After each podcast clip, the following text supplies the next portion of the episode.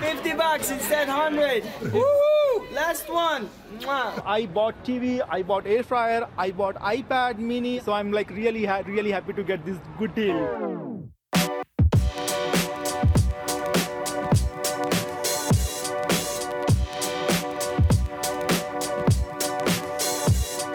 Hey Vincent. Hey Rens, Zo, je bent er helemaal... eh, Of je kan er helemaal spreken. Ik kan helemaal spreken. We zouden eigenlijk eh, iets eerder deze podcast opnemen, maar eh, toen was je naar de tandarts geweest. Klopt, het eh, was allemaal iets omvangrijker dan ik zelf had in gedachten had. Ik heb daar nou, drie kwartier wel gelegen. Aan alle kanten is geboord en gevuld. Dus ik ben helemaal top voor hem. Dus nu maar... Tandtechnisch. Tandtechnisch, ja. Ja. ja. Dus alles is weer op orde. en Je kan je mond weer Ja. normaal open doen. Dus je bent weer... eh, je, je kan weer spreken. Ja, nou ja, ik kom wel praten, maar ja, voor de, voor de kortste keer eh, dan eh, gaan de geruchten de wereld in. Hè, dat wij hier half bezopen die, die podcast op te nemen. Dat, Ja. dat wil je ook niet hebben. Voor de kortste keer is dat... Ja, Is ik dat zei het uitspraak? en ik dacht, geen idee waar het vandaan kwam, maar ik ging gewoon een keer. Ja. Maar ja, maar het is goed. Het is ehm, dit weekend Black, Black Friday weekend. Eh, afgelopen vrijdag was het echt Black Friday. Het is nu, eh, nu zondag, dus de laatste uurtjes van het weekend eh, tikken, Ja. tikken weg. Alle kortingen zijn bijna voorbij. Ja, morgen is het maar weer Cyber Monday. Cyber dat is weer, Monday. is weer iets anders. Maar er zijn ook weer kortingen dan vooral Ja, joh, is online. Dus feest. het is elke dag, elke dag. Heb jij nog eigenlijk nog iets gekocht met Black Friday? Ik heb een Sonos gekocht. Ah, nou, waren goede deals zeg. Voor ja, echt. Vaak eh, hoor je wel van die verhalen van eigenlijk helemaal niet zo'n eh, goede deals op Black Friday. Maar eh, als je gewoon een beetje vroeg van tevoren oriënteert op de prijzen, dan... nee, ik heb nu een, een goede, goede koop gedaan. Maar niet, ik heb niet vechtend in de supermarkt ervoor gelegen of zo. Nee, want dat hoor je net in het.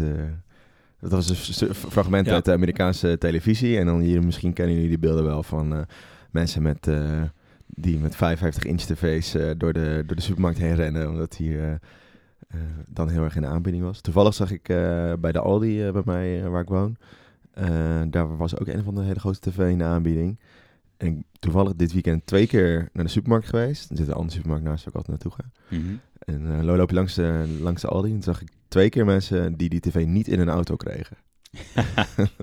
Dan ze geen dus, auto in de aanbieding? Ja, ik weet niet, dan moesten ze hem dus uit de doos halen en dan in de auto leggen. Maar goed, en dan denk ik ja. Maar niet uit. We gaan het dus eh, vandaag hebben over, eh, eh, over de geschiedenis van Black Friday. Maar vooral eh, eigenlijk over de geschiedenis van, eh, van Thanksgiving. Want daar ligt, is, dat is de grondslag van Black Friday, denk ik. Mhm. En dan komen jullie misschien op het einde wel achter dat het er best wel een, Nederlands tintje aan zit. Toevallig las ik deze week in- op NOS dat, dat Thanksgiving steeds meer gevierd wordt in, in Nederland. Ja, ik heb het ook gelezen, ja. maar En eigenlijk de- is het al iets heel Nederlands. Maar daar later over, Ja. over meer. Vincent, hoe was jouw historische twee, eh, twee weken? Heb je nog iets bijzonders eh, meegemaakt? Ehm, nee. Echt niet? Nee. Ik heb echt heel weinig gedaan. Ik ben naar de tandarts geweest. Heel hard gewerkt.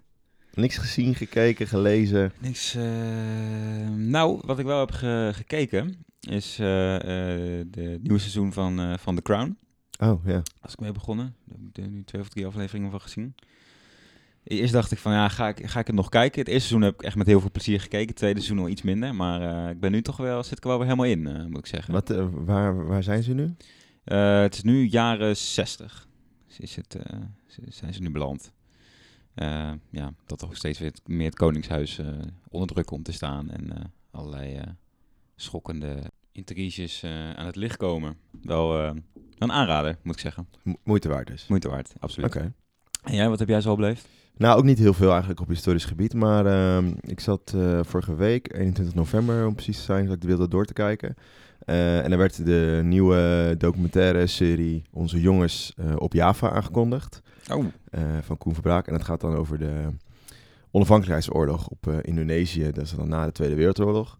Eh, er vielen wel een paar dingen op. Ik, ja, ik, ik weet niet of jij een beetje in dat, eh, in dat onderwerp zit. Ja, een beetje. Ja, het eerste eh, wat, ik wel, wat goed was, sterk was, is dat ze het echt onafhankelijkheidsoorlog noemden en niet... eh, Nou, ik, ik, het Politionele was acties. Een, eh, een, een triggertje bij mij toen jij onafhankelijkheidsoorlog zei. dacht ik, ah, ja. ja, en dat is... eh, en dan, maar dan ga je naar de, naar de, naar de hoe heet dat, eh, programma-omschrijving op, op, op internet en dan wordt het nog wel steeds... eh, politionele acties aangehouden tussen haakjes. Maar het was dus, het is veel, voor- ik vind het een echt een onafhankelijkheidsoorlog. Eh, maar bij de Wereldoorlog waren eh, verschillende veteranen, want die had Koen Verbraak, eh, journalisten, in geïnterviewd in het programma. En dan is het een vierdelige serie waarin dat helemaal uitgelicht wordt. En ehm, eigenlijk is het heel lang, heel kort gezien over, de, over die oorlog of over die, die strijd. Heel lang werd het dus gezien, of nog steeds, als politieke acties in Nederland. En eigenlijk dat we daar als Nederland zijn niet zoveel hebben gedaan. Hè. Eh, Japan heeft, eh, is tijdens, de Tweede, heeft tijdens de Tweede Wereldo- Wereldoorlog Indonesië eh, in bedwang gehouden. En ook de Nederlanders. Nou, Japan was verslagen, Duitsland was verslagen. En toen riep Sukarno heel snel de on- onafhankelijkheid van Indonesië uit. En dat was een hele lange strijd. ehm, tussen Nederland en Indonesië. En twee keer, twee, ja, in twee jaar tijd werden er heel veel Nederlandse troepen gestuurd als een soort van politieactie. We treden op en we zorgen ervoor dat de orde hersteld wordt. Maar dat lukte niet. Eh, en de Nederlanders hebben daar best wel veel oorlogsmisdaden begaan. Eh, en de eerste die dat aankaartte was in 1968 Joop Heutink in het programma Achter het Nieuws. eh, waarin hij dat benoemde van nou, hè, we hebben daar echt super erge dingen gedaan. We hebben mensen zomaar doodgeschoten en we hebben hele dorpen ontruimd en dorpen verbrand, et cetera. Dat stelde hij. Ehm, en hij, werd, hij is ook geïnterviewd in die serie, maar hij is nu overleden inmiddels, dus hij was niet bij de Wereld Door. Maar andere veteranen waren er wel. En wat ik dus me heel erg opviel, is dat ze nog steeds boos, misschien, of beter misschien teleurgesteld op die Joop Heuting zijn. Hè, Ja. Dat is dus 60 jaar geleden en nog steeds zien ze hem als een verrader. En Ja, toen is hij heel erg eh het slijk gehaald, ja. Echt enorm veel krantenartikelen over hem geschreven en allemaal ingestonden brieven in, in 1968. Maar nog steeds vinden die veteranen hem dus ehm, een verrader. Want zij vinden dat ze het helemaal geen oorlogsmisdaden hebben begaan. En ze hebben het heel anders beleefd dan, eh, eh, dan Joop Heuting. Dus wel interessant denk ik om te zien. Ik heb het eigenlijk stiekem nog niet gezien. Ja, heel even een klein stukje, maar niet de hele aflevering afgekeken. Eh, maar waar, wel, waar was het eh, te zien? Nederland 2, ja, ik heb het teruggekeken via NPO. Oh ja. Maar het is wel interessant. Gewoon om te kijken hoe er nu vandaag, na, alle ontwikkeling, alle, Ja, alle ar- archieven die zijn eh, ontsloten en steeds meer informatie erover, dat het nu heel anders, of op een andere manier wordt bekeken dan. ja, het heeft denk ik sinds tien jaar of zo weer echt wel een, eh, een kickstart. eh. Ja, er is natuurlijk een heel groot onderzoek ook naar, hè? De, van het NIMA, gesponsord door de, gesubsidieerd door de, door de overheid. Powered by. Heel veel geld. lopen. Ja, heel veel miljoenen ingestoken en eh, dat, volgens mij verschijnt dat ook komende jaren. Ja. waarin alles eh, uitgezocht wordt. Dus eh, interessante, interessante materie. Ja, Maar goed, een heel ander onderwerp nu. We gaan over naar, eh, naar Black Friday. Nou, iets feestelijker. We zijn net al, we hebben allemaal leuke deals eh, gekocht. Eh, of tenminste, we hebben wat dingen gekocht omdat er veel in de aanbieding was. Ik zeg ook in de bonus. Ik ben helemaal... Ja, ik zeg het ook vaak hoor, Ja. bij andere dingen. ja, Ja. was in de bonus. Ik heb het Buiten gekocht bij de Mediamarkt. hè? Willekeurige Ja. supermarkt om. Maar dat zit al zo, zo ingebakken. Maar dat Black Friday, dat komt dus eigenlijk voort vanuit ehm, Thanksgiving. Ja. Eh, in, tijdens Thanksgiving komen alle Amerikaanse families samen. Een soort kerst gaan ze met z'n allen eten. De buren worden uitgenodigd. Iedereen bij elkaar op. Hartstikke gezellig. Iedereen vrij. Ik denk echt qua familie, eh, sfeer en eten en, en dat soort dingen, wat wij echt met kerst hebben, is, is het bij hun veel meer met, eh, met Thanksgiving. Ja, denk het wel. kerst ja. gaat daar echt meer om cadeaus en, en, en, en de kerstman. Ja. Waar we zo nog wel terugkomen voor die cadeaus. Maar eh, Ja. dat, dat, eh, dat kwam ik tegen. Dat viel me wel op. Ik weet niet, ik had er nooit zo over nagedacht. Dat Thanksgiving eigenlijk zo, zo groot is. Ja, terwijl het dan op donderdag is altijd. En Ja, hele onhandige dag. Maar goed. In november, ook volgens mij niet echt eh, rondom een vakantie. nee. Eh, er zijn allerlei, maar er zijn allerlei activiteiten eh, oh, tijdens Thanksgiving. Hele grote parades. Ja. in New York vooral met al die opblaas heliumballonnen. Ik weet niet of je dat wel eens gezien hebt. Ja. Met SpongeBob en dat je echt denkt, nou, waarom? Maar dat is dan heel, daar gaan mensen echt vroeg naartoe. Ja. En dan s'avonds lekker een kalkoen eten met z'n allen. Ja. En dan de volgende dag is het Black Friday en dan ga je met je hele familie eh, lekker shoppen. Want dan is alles in, in de aanbieding wat, wat je eigenlijk voor cadeaus moest kopen. En dat, Ja. volgens mij is het op die manier eh, ontstaan. Je hoort ook nog wel eens andere verhalen. Eh, vroeger heette het Black Friday omdat dat het druk was op de weg. En Ja. Het is eigenlijk een soort van zwarte zaterdag. Iedereen ging weer terug naar huis of naar zijn plek waar hij moest zijn. Iedereen moest weer werken. Ja. En wat je ook nog wel eens hoort, dat vind ik ook nog interessant, wo- wordt het dus ook wel eens Brown Friday genoemd. Nou, dat, dat heb ik niet gelezen. Nee? Nee? Ik weet niet of het echt waar is, maar ik las dat een paar keer Oh, met deze week. die eh, slaven, eh, of is, is dat nee, is iets heel anders. Dat heb ik ook nog aangelezen. Dat ook een soort conspiracy. eh, Echt? ja. Nee, het schijnt dat, eh, dat dan iedereen lekker aan het eten is op, eh, op donderdag. En kalkoen en best wel heftig eten. Oh En ja. de volgende dag eh, moet iedereen naar de wc. En dan is het super druk voor alle loodgieters. Want dan zijn alle wc's verstopt. En daarna wordt het ook wel eens Brown Friday. Die vieze kalkoenen. Die hele vieze, vette, vette kalkoenen. Maar wat had jij gehoord dan voor conspiracy? Nou, eh, dat het Black Friday heet, eh, dat dat overgewaaid is uit vroeger tijden, omdat toen ook eh, de dag na Thanksgiving de slavenhandelaren de slaven goedkoper verkochten. Echt? Maar dat was een soort hoax die een, een, eh, vijf jaar geleden de wereld in, in was geholpen. Ah, Maar daar kwam ik tegen dat dat toen best wel groot was, maar ik had er nog nooit van gehoord. grappig, grappig. Maar het was een hoax, dus snel vergeten. Heel goed. Maar goed, laten we naar het begin gaan van, van Thanksgiving. Ja, En dan gaan we best wel een tijd, een tijd terug. Er zijn eigenlijk een soort van twee eh, verhalen, twee lijnen in, dit, eh, in, in deze geschiedenis. We hebben een schrijfster die hier vandaag eh, centraal staat. We hebben haar nog niet genoemd. Dat is Sarah Joseph, Josepha Hill. Josepha, denk ik hè? Josepha. Ja. Josepha Hill. Zij heeft echt in het kort gepropagandeerd om, om dit eh, tot een nationale feestdag eh, te maken. Maar daar later, over, eh, daar la- later meer over. En het andere verhaal is, heeft te maken met de Pilgrim Fathers. Dus de pelgrims die vanuit Engeland naar Amerika kwamen. en daar een treffen hadden met de, met de oorspronkelijke bevolking. De Wampanoag. Wampanoag. Ja. Wampanoag wordt het uitgesproken in het Amerikaans. Ik weet niet helemaal wat de officiële uitspraak is, maar we houden Nee. even de Amerikaanse aan, de Wampanoag. Eh, en dat is eigenlijk een heel... Daar, daar gebeurde iets en dat is een soort van de mythe of de stichtingsmythe geworden van deze, van deze traditie. En misschien is het goed om daar eerst even kort eh, in te duiken. Ja, want in de 17e eeuw eh, ehm, gingen de strenggelovige Engelsen, eh, die vonden het allemaal maar niks in Engeland. Die vonden de, de Engelse kerk nog steeds veel te katholiek. Ja. Eh, en Ze keerden, zich, ja, ze, ja, ze keerden zich af van, eh, Van de Anglicaanse van de kerk. Anglicaanse kerk. En dus ook van de koning. En de koning was het daar niet zo heel erg mee eens. Dat is Jacobus I in die tijd. Ja. En je leest dan ook verhalen dat hij spionnen stuurde naar alle meetings van de, van, van de groep die zich had afgescheiden. van, de, van de Anglicaanse kerk. Ja, want zij wilden eigenlijk meer de, de reformatie volgen. De, de ingezette reformatie. En ze waren niet helemaal eens met de Engelse omstandigheden. Nee, En waar ga je dan naartoe als je religieuze vrijheid wil? naar Nederland. naar Nederland, want daar was religieuze vrijheid in die tijd, de. Gouden Eeuw. Eh, en dan kwamen ze ook terecht dan in, eh, in Leiden. Eh, volgens mij werd dat ook zo toegewezen door de, door de Nederlandse of de, ja, de, de overheid in Nederland. Zo van, nou, volgens mij kun je niet het beste naar Leiden toe. Eh, Ja, geen idee waarom. Maar... Nee, ik ook niet zo goed. Heb ik er niet, ook niet echt. Nee, dat is ook niet onderdeel van deze podcast. Uit. Maar ehm, ja, in Leiden waren ze eigenlijk niet zo tevreden. En ik had toevallig, eh, keek ik vanmiddag een filmpje op, eh, op YouTube van History Channel Kids. Ja. De Amerikaanse versie waarin ze dit gingen naspelen. Een soort van dat hele, Mhm. deze hele situatie, maar dan door kinderen. Eh, en dan hoor je heel erg dat ze in, in, in ze moesten dan in Nederland hadden, ze was heel veel eh, kinderarbeid, dus ze moesten heel hard werken. Die eh, kinderen waren helemaal niet tevreden, moesten tot 12, 12 uur per dag werken. Ze waren heel arm, eh, er was niet te veel eten. Dus ze waren gewoon helemaal niet tevreden in Nederland. Nee. En waar ga je dan naartoe?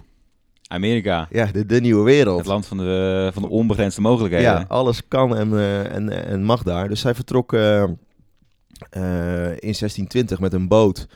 Gingen ze eerst weer terug naar Engeland en daarna vertrokken ze naar, eh, eh, naar Amerika. En door eh, wat slechtere weersomstandigheden kwamen ze eigenlijk uiteindelijk aan in Cape Cod. Cape Cod. Dat ja. is helemaal in Noord, Noord-Amerika, eh, tegen de Canadese Tussen, grens aan. Tussen New York en... en op, het is wel onder, onder Boston is het nog wel. Ja, Maar ze wilden eigenlijk naar, naar Virginia. Want Ja. daar was al wel geruime tijd al een Engelse eh, nederzetting. Mhm. Jamestown. Ja, ja. Eh, maar inderdaad, door wat, eh, wat stormen zijn ze helemaal afgedwaald. En kwamen ze een stuk noordelijker terecht. Ja. En daar kwamen ze in aanraking met, met de oorspronkelijke bewoners. ja, de Wampanoag. Ja. Die daar al heel lang, of ja, die er al heel, eeuwen leefden, maar ook dus al vaker te maken hadden gehad met, met, de, Europea- met de Europeanen. En ook daar best wel veel conflicten mee had. Eigenlijk waren ze al twee eeuwen lang, nou twee eeuwen lang, maar sinds eh, 1492 hadden ze of al gauw nadat eh, Columbus Amerika eh, vond op de kaart, niet ontdekte, eh, hadden ze al- Correct, correct. ja. Eh, hadden ze ook co- conflicten en treffen met, eh, met, met de Europeanen en wisten ze hoe ze daar om mee om moesten gaan. Maar ondertussen was die, die, eh, die lokale bevolking, eh, of die oorspronkelijke bevolking, de Wampanoag, ook nog in een soort conflict met andere Ja. eh, volkeren, stammen. ja, stammen uit die, eh, uit, uit die omgeving die eh, soms wat meer meegingen met de Europeanen, al goed Engels spraken en soms juist wat conservatief of eh, minder, minder contact wilden Ja. met, met de Europeanen. En zij moesten daar een soort weg. Want de Europeanen waren daar al vaak geweest, hè? Ja, En, eh, en, en die, die Indianenbevolking aan die, aan die oostkust van, eh, van Amerika was echt gigantisch. ja. Dus die, die Europeanen konden daar gewoon niet eens aan wal. eh, Nee. qua qua eh, hevigheid van strijd. nee. En, eh, en door, eh, nou ja, door de welbekende ziektes die eh, de Europeanen toen hebben meegenomen, is die hele Indiaanse bevolking ja, uitgeroeid of verminderd. Of, ja. zodat ze te kwetsbaar werden. En toen konden die eh, Europeanen hun, hun slag ja, slaan. Ja, en, en dan de, de pelgrims die dan vanuit Nederland via Engeland hier kwamen, die hadden gewoon geluk dat allerlei verschillende andere stammen met elkaar in, in conflict waren.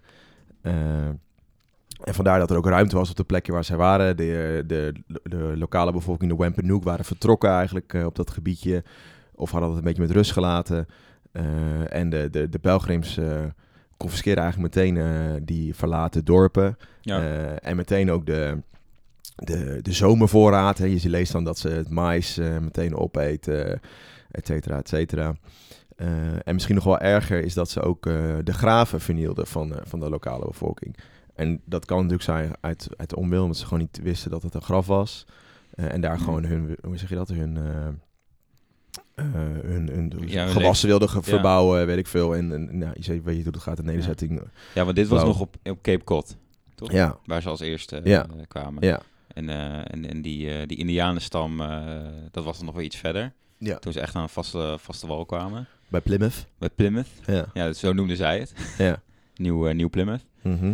Ehm, en over het algemeen ging het in het begin eh, vrij eh, goed met het contact met die Indianen. Eh, qua handel dat ze dreven. Ja, het is altijd lastig. Dat hoor je, dat, dat lees je wel vaak ook Ja, met, met de VOC die in Zuid-Afrika komt. je wil natuurlijk ook dat de westerse worden afge- afgeschilderd als goedwillende Ja, christenen die, die daar geen kwaad wilden. Maar de waarheid zal ergens in het midden liggen. Maar volgens mij eh, en, en zijn de verhalen ook dat er nog een andere Engelse eh, groep kwam. En die, die was nog iets noordelijker gestrand. En die ging wel gelijk hard tekeer. En, en, en de mensen van de Mayflower die, die zagen dat niet zitten. Want, de, de, de Mayflower is dan die eerste die groep eerste van boot, Nederland ja. via... Ja.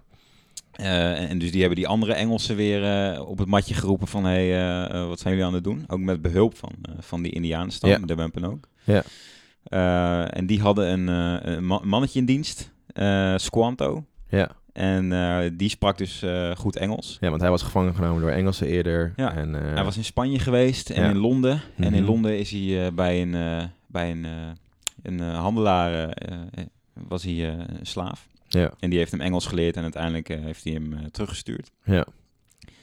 Dus eh, dat was echt een soort eh, tussenpersoon tussen die, eh, tussen die Indianenstam en, die, en de Puritijnen. De mensen van de Maar je moet je wel goed realiseren dat die, ehm die Wampanoag eigenlijk al jaren een soort van troubled relationship hadden met, met de Europeanen.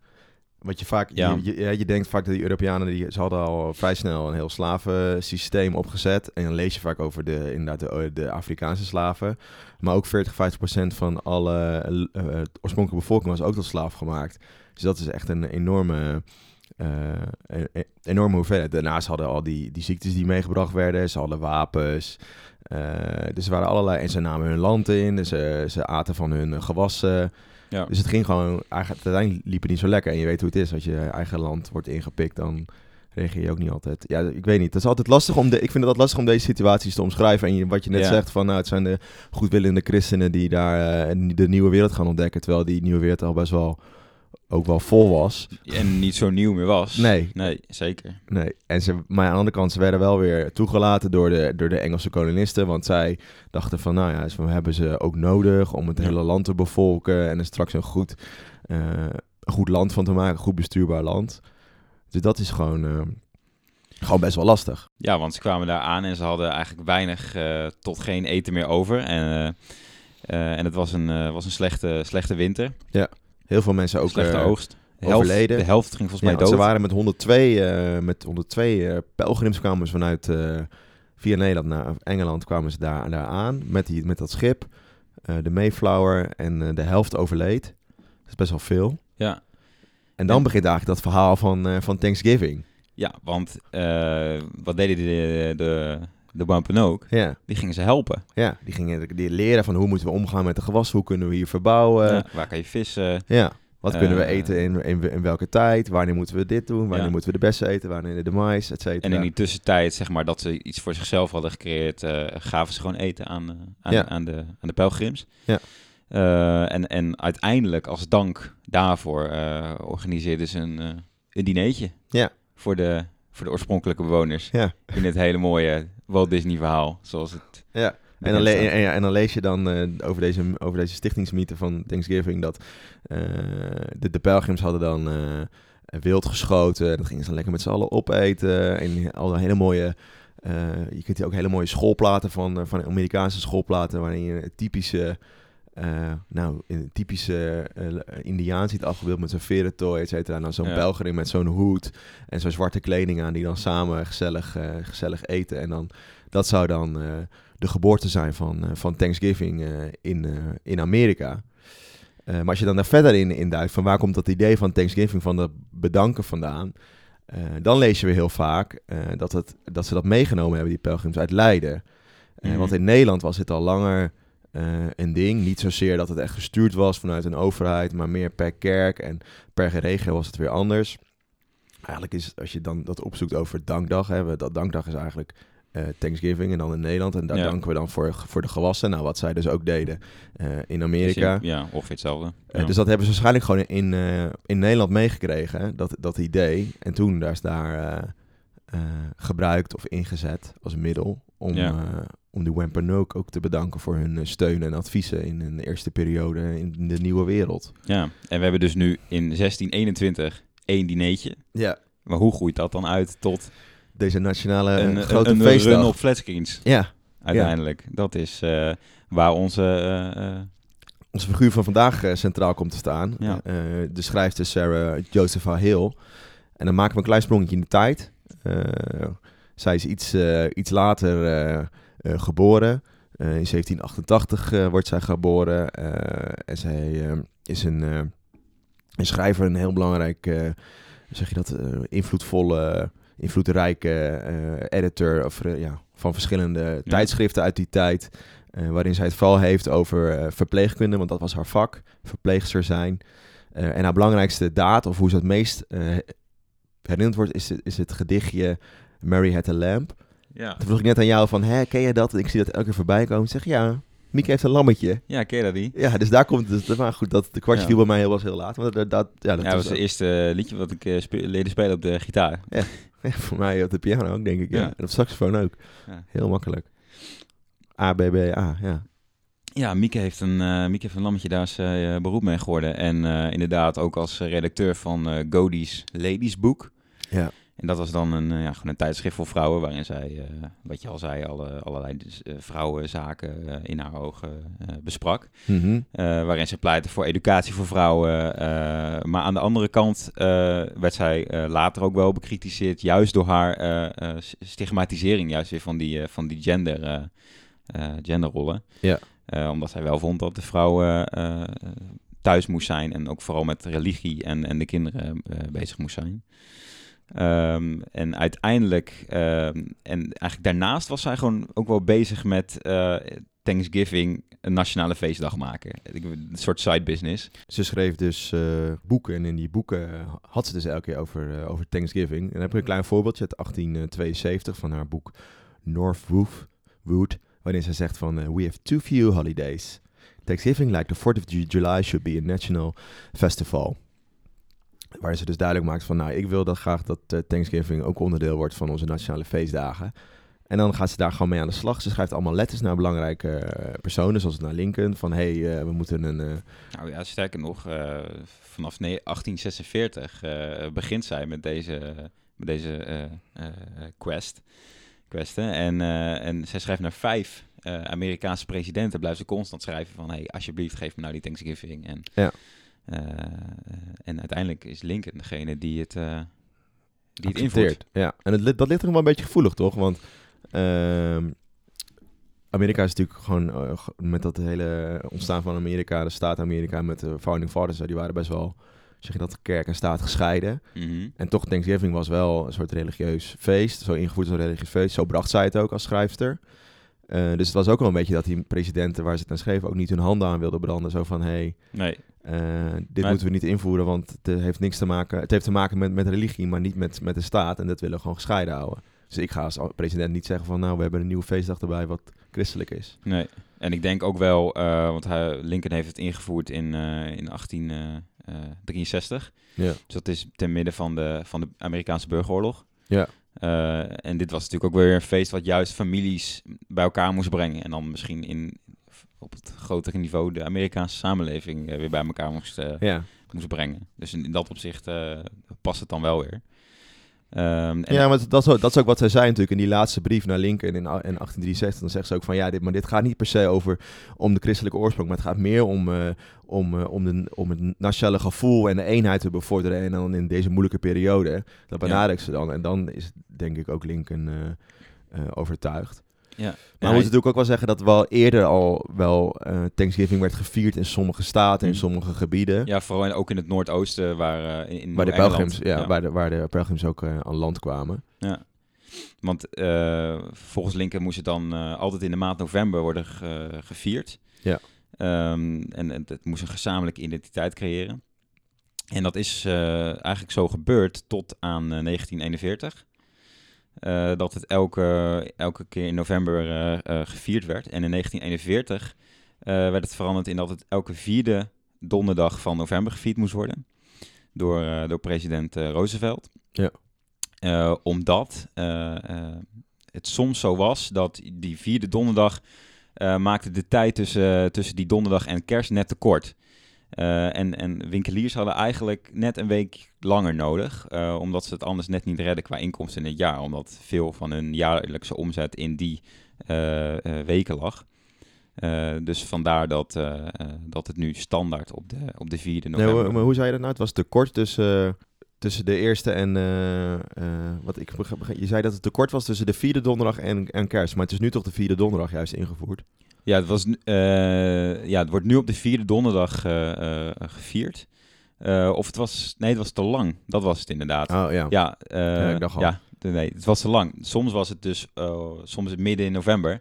ja. En, en, dan, en dan was er niet echt die rush om, om, om die kerstcadeaus aan te schaffen. En vandaar dat het nu op de vierde donderdag van november is. En nu is het ook veel meer gekoppeld aan, aan het, aan het kerstverhaal. want dat staat, het stond er natuurlijk volledig los van. Ja. Weet je, wat je net al zei. en dan gaan we eigenlijk weer richting Black Friday, hoe dat is ontstaan. Mm -hmm. Uh, dat je ook al die parades had, al sinds uh, 1905 uh, was het Ja. voor de eerste keer in, in Canada. Uh, en, en, dat daar de kerstman ook een duidelijke rol in speelt. Eigenlijk onze intocht van Sinterklaas is, uh, is Thanksgiving de intocht van, van de kerstman. dat hij vaak ja. ook mee als einde van de parade mee, meeloopt. En meer van hij is er weer of hij, hij, hij is dichtbij of zo. dat snap ik nog niet helemaal hoe dat zit. Hij komt niet op een boot aan en... uh, Nee. Um, en dat is eigenlijk. En waar dan uiteindelijk die Black Friday vandaan komt, schijnt. Dat een beetje in de jaren 50 begonnen mensen zich ziek te melden op, op de vrijdag na Thanksgiving. Mm. En omdat ze, om, om zichzelf een beetje een lang weekend te gunnen. En omdat op vrijdag natuurlijk de winkels wel gewoon open waren en zij zich ziek hadden gemeld, hadden ze tijd om te shoppen. Om te shoppen. En, uh, en, en zodoende is dat uiteindelijk een beetje verder gaan, uh, gaan rollen van dat dat de shopdag werd. En toen zijn ze dus met kortingen om het nog aantrekkelijker ja. te maken. Om, uh... En uh, wat je al zei, toen kwam met Black Friday, omdat, vooral met het verkeer en dat de politie was dat vooral, die dat gebruikte als term. Ja. En op een gegeven moment is dat ook aangeslagen in de marketing en is dat ook zich blijven vasthouden. En nu is het zelfs overgewaaid naar... Nou ja, dat viel me wel op. Dat is echt pas sinds 2014, 15 is het echt in Europa een ding. Ja. Ik, ik, ja, ik ben er zelf ook niet zo heel lang bekend mee, moet ik zeggen. Maar ik had Nee. eigenlijk wel verwacht dat het wel iets, iets langer... Uh, nee, en ik volgens mij, voor, vooral dit jaar vond ik het heel... Uh, voor het eerst dat je, dat je echt dacht van, je zag het overal. Uh, je hoefde je mailbox maar te openen en je had allerlei mailtjes van... uh, ja, het was dit wel echt... Black Friday dit, Black Friday dat. Ja. Dus het is nu wel echt... Terwijl, heeft wel we, voet op de grond gezet nu in, eh, Terwijl het in Amerika dit jaar eh, eh, rustiger was, eh, Ja. zagen we eh, hiervoor eh, op het Amerikaanse... Kwam ook door het weer, toch? Kwam ook door het weer, ja. Zeg, zeggen mensen. Schijnt. Maar nog eh, een korte vraag eh, voordat we overgaan naar onze vaste rubriek, de quiz, denk ik. Ja, Eh, snel. als we het hebben over, eh, over Sarah eh, Jo- Jo- Josepha Hill en dat ze zo propagandeert om een extra vrije dag, zou dat ook iets te maken kunnen hebben met een soort van arbeidsethiek of iets in die richting? Dus dat is misschien wel iets later dat we het daar echt over gaan, dat je het echt kan hebben over de opkomst van vakbonden en Mhm. opkomen van de rechten van de arbeider en weekend en vaste werktijden en dus meer vrije dagen. Maar zou het hier ook in passen, denk jij? Ik zit daar, ik weet het niet zo goed. Nou ja, het was natuurlijk gewoon standaard dat je, dat je altijd werkte wanneer je kon werken. Nog in die tijd. Ehm, maar ik denk dat het wel in het, in het plaatje past van dat zij heel erg dat, ook dat gezinsleven eh, eh, eh, propagandeert in haar, in haar tijdschrift. Ja. En, en dat het daar weer toch weer een extra dag samen met, met de familie is. Dus ja, wat dat betreft past, dat wel, past dat wel in haar, in haar ideologie. Ja, als in van dat zij dus nog wel die specifieke genderrol heeft van de vrouw moet dus wel onderwijs krijgen, maar ze is er vooral voor eh, in huis, voor het gezin, voor het gezin te, onder, te verzorgen en de man moet, eh, moet geld verdienen. Dus dat het daar meer in past. Denk Ja. ja, ja, dat is ja, daar kan ik me wel, eh, kan ik me ook wel in vinden. Ja. En vroeg- misschien ook echt in die tijden van oorlog. Of ze, eh, maar dat is eigenlijk niet waar, want ze is natuurlijk al in 1840 mee, eh, mee begonnen. Ja. Maar misschien dat het toch wel vandaan komt. Ik bedoel, het, was, eh, het is niet zo dat het opeens in de burgeroorlog een eh, soort scheiding was tussen Noord en Zuid. Misschien dat het toch ook weer iets was om het land eh, wat meer te herenigen en echt een soort natie te vormen, wat natuurlijk compleet niet bestond rond die tijd. Nee. En, en, en wel in andere landen, nou ja, daar hebben we het al eens eerder over gehad, in de 19e eeuw heel erg eh, gaande was. Ja. Misschien dat het daar ook wel eh, ze- een beetje uit die geest eh, komt. Ja, interessant. Oké, nou, eh, we, tijd voor het quiz. yes, mijn favoriete... Onderdeel. Het staat eh 1-1. Ja. Of 2-2. 2-2 zelfs. 2-2, ja. Sorry, 2-2. Vorige week hadden we het ook weer allebei goed. Dus eh, spannend. Ja, normaal doen we het altijd een beetje eh, in het midden, maar eh, we zijn nu een beetje doorgedenderd. Ja, dat was interessant. Maar we komen hier, later, we komen hier straks nog wel op terug hoor. Komt goed. Ja? Ja. Zal ik beginnen met bladeren? Zeg jij weer stop?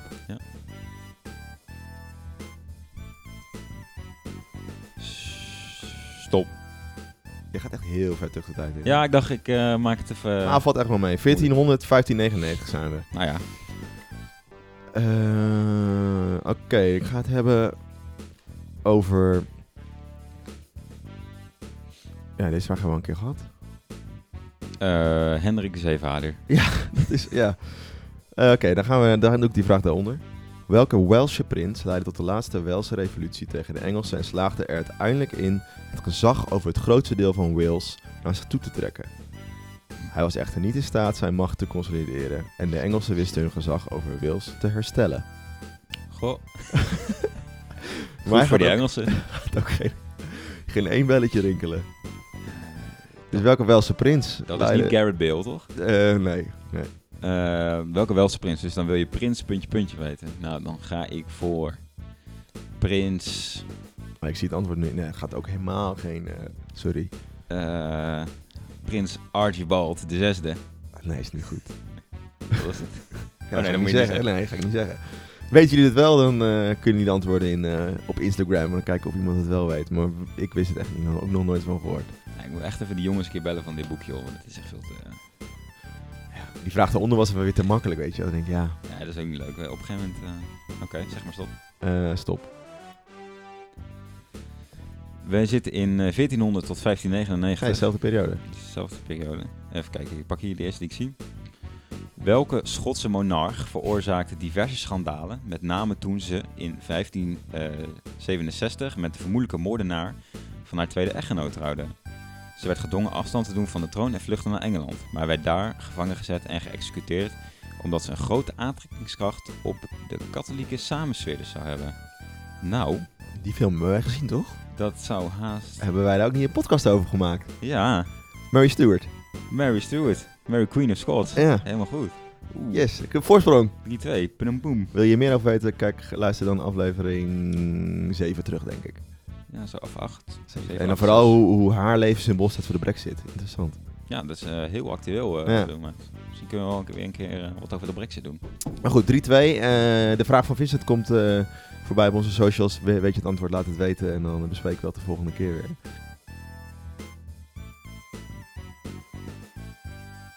Zo, nou en dan nog even een korte terugblik op, eh, op het onderwerp. Ik bedenk wel veel informatie vandaag. Eh, twee, verschillende, twee verschillende verhalen, maar het idee van invention of tradition is wel weer heel, eh, heel duidelijk geworden. Dus Ja. iedereen die zegt, het is een kinderfeest. Let op, het is een traditie en tradities kunnen veranderen. dat wil ik nog even, eh, eh, even, even over kwijt. Maar wel een interessant verhaal. En dan hoe een schrijfster uit Amerika eigenlijk een, heel, Ja, het, een hele nationale feestdag opeens kan. het schijnt echt dat haar brief naar Lincoln het heeft, het heeft gedaan. Heeft gedaan, ja. En dat, die brief is ook nog steeds beschikbaar. Die kun je ook zien. Ja. Dus dat is super interessant. Zoek het vooral op.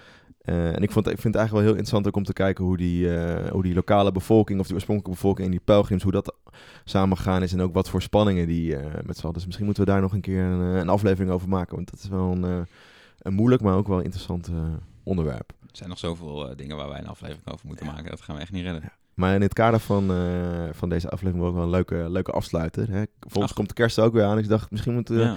afsluiten met een leuk kalkoengerecht. Ik heb natuurlijk tien jaar in een kippenrestaurant gewerkt, dus ik weet precies eh, Wat kalkoenen zijn. wat Geen kippen. nee, hoe dat werkt. Een kalkoen is iets groter. Ehm, ik zou zeggen, doe dan. Let, let- het, lastige van een kalkoen is, is we zeggen dat dan de poten, die worden dan minder snel gaar dan, eh, dan de borst. Mhm. Eh, en bij kip is eigenlijk, wordt dat best wel vrij... Minder snel gaar. Ja, ja. Die, dat wordt, bij een kip wordt het vrij re- re- regelmatig gaar, de hele kip, de hele, omdat het gewoon kleiner is. Ehm, en ja, wat je gewoon moet doen is gewoon heel veel bedruipen, want dan wordt die, eh, blijft hij lekker, eh, lekker sappig en wordt hij niet droog. Ja. Eh, dus ik zou zeggen, verwarm de oven voor op eh, 180, 175 graden. Lekker veel boter in een pannetje laten smelten. En dan goed de kalkoen insmeren met, met zout en peper. Echt insmeren, gewoon erin drukken. Ja, lekker, ja. want dan gaat het ook in de oven lekker... Beetje grof. Een beetje grof erin. Eh, goed, vergeet niet het elastiekje te verwijderen hè, om de poot heen. Dat hoor, heb ik nog wel eens gehoord. Dat is niet lekker als dat, die, dat plastic in, je, in je oven gaat zitten. Mhm. Eh, en dan goed eh, die, eh, de kalkoen bestrijken met de olie. Dan in, de, in een braadslee doen. En dan veel, veel boter erbij eigenlijk. Zoveel mogelijk. En dan gewoon elk, Zoveel mogelijk. ja, en dan gewoon elke 10 minuten met een soeplepeltje eigenlijk even over die, over die, over die kalkoen heen. Ja. En dan ligt een beetje aan hoe groot die is. Eh, maar houd gewoon in de gaten. Het beste kun je dat doen met, een, eh, met zo'n kernmeter, zo'n kerntemperatuurmeter. En als, die dan, als je hem goed insteekt in het midden een beetje, niet tegen bot aan. En hij is tussen de 70 en 72 graden, is die eh, helemaal lekker. Heb je dat niet, heb ik nog een andere tip voor je. Pak dan een CT-prikker, steek hem erin en kijk dan op wat sap wat eruit loopt. Als dat helder is, is die gaar. Als het niet helder is, is hij niet Oh. gaar. Dan heb je ook geen lekkere jus. Hm. Dat is eh, wat tips. En het helemaal lekker maken, dan kun je natuurlijk die braadslee nog even lekker vullen met, eh, met salie, boter, wat ik al zei, wortel, prei. Allemaal lekker. boter. Nog meer boter. Ja. Misschien een citroentje erin. In, eh, in, in, de, in de kalkoen gevuld hebt. En dan lekker sausje erbij. die, gewoon die jus van die... Mayo mayo en appelmoes. Ik las dus in datzelfde artikel, Welk artikel? waar we het over gehad hebben in het begin, dat Thanksgiving ook in Nederland steeds meer Oh ja, ja, gaan ja. wordt. Dat die, eh, dat is een Amerikaanse man die al een hele tijd woont en zijn, kalkoen altijd op een Amerikaanse legerbasis ging halen. Omdat ze daar dus eh, over heel, eh, door heel de wereld worden al die kalkoenen vanuit Amerika daar ingevlogen voor Thanksgiving. En dat zijn een soort speciale, met boter al ingespoten kalkoenen of zo. Schijnt. Dus, dus dat is mijn tip. Ga naar een Amerikaanse basis om die kalkoen te halen. En dat past dus ook wel zo bij Bel dat- aan, zeg ik wil een kalkoen. Ja, en dan krijg je die. Ja, Maar het- ik, las dus ook van... eh, dus eh, de president moet dus... eh, Ja. Elke, met Thanksgiving dus een soort van vergiffenis vragen. verge- ja, ja. Geven, ja. Eh, Gratie, gratie geven aan het beste kalkoen. Dan komen alle boeren uit Amerika met hun beste kalkoen. Dan komen naar het Witte Huis toe. En dan gaat hij daar, ja. Trump dus in dit geval... Eén kalkoen wordt altijd gespaard. Ja, Dat is, ja het zoek, zoek het even op. Echt belachelijke filmpjes. Maar goed, heel, wel heel interessant. het is voor mij echt wel vaak op het nieuws. Ook gewoon in Nederland en zo. Ja, van het is weer gebeurd. Ja. Nou, dat was een beetje mijn, eh, mijn, mijn recept. Nou, wil je meer weten, bel me even op. Ik weet alles over kip en kalkoen in de, bra- in de oven braden. Hartstikke lekker. Wat ga je doen met kerst? Weet ik nog niet. Hm. Ja, heel druk trouwens. Ja? Ja. Nee, dan eh, kijk even wat ik... eh, misschien doe ik daar even mijn eentje aflevering over, Jezus. over kerstkrantje. Hey, bedankt voor het luisteren en tot de volgende keer. Dag. Yo.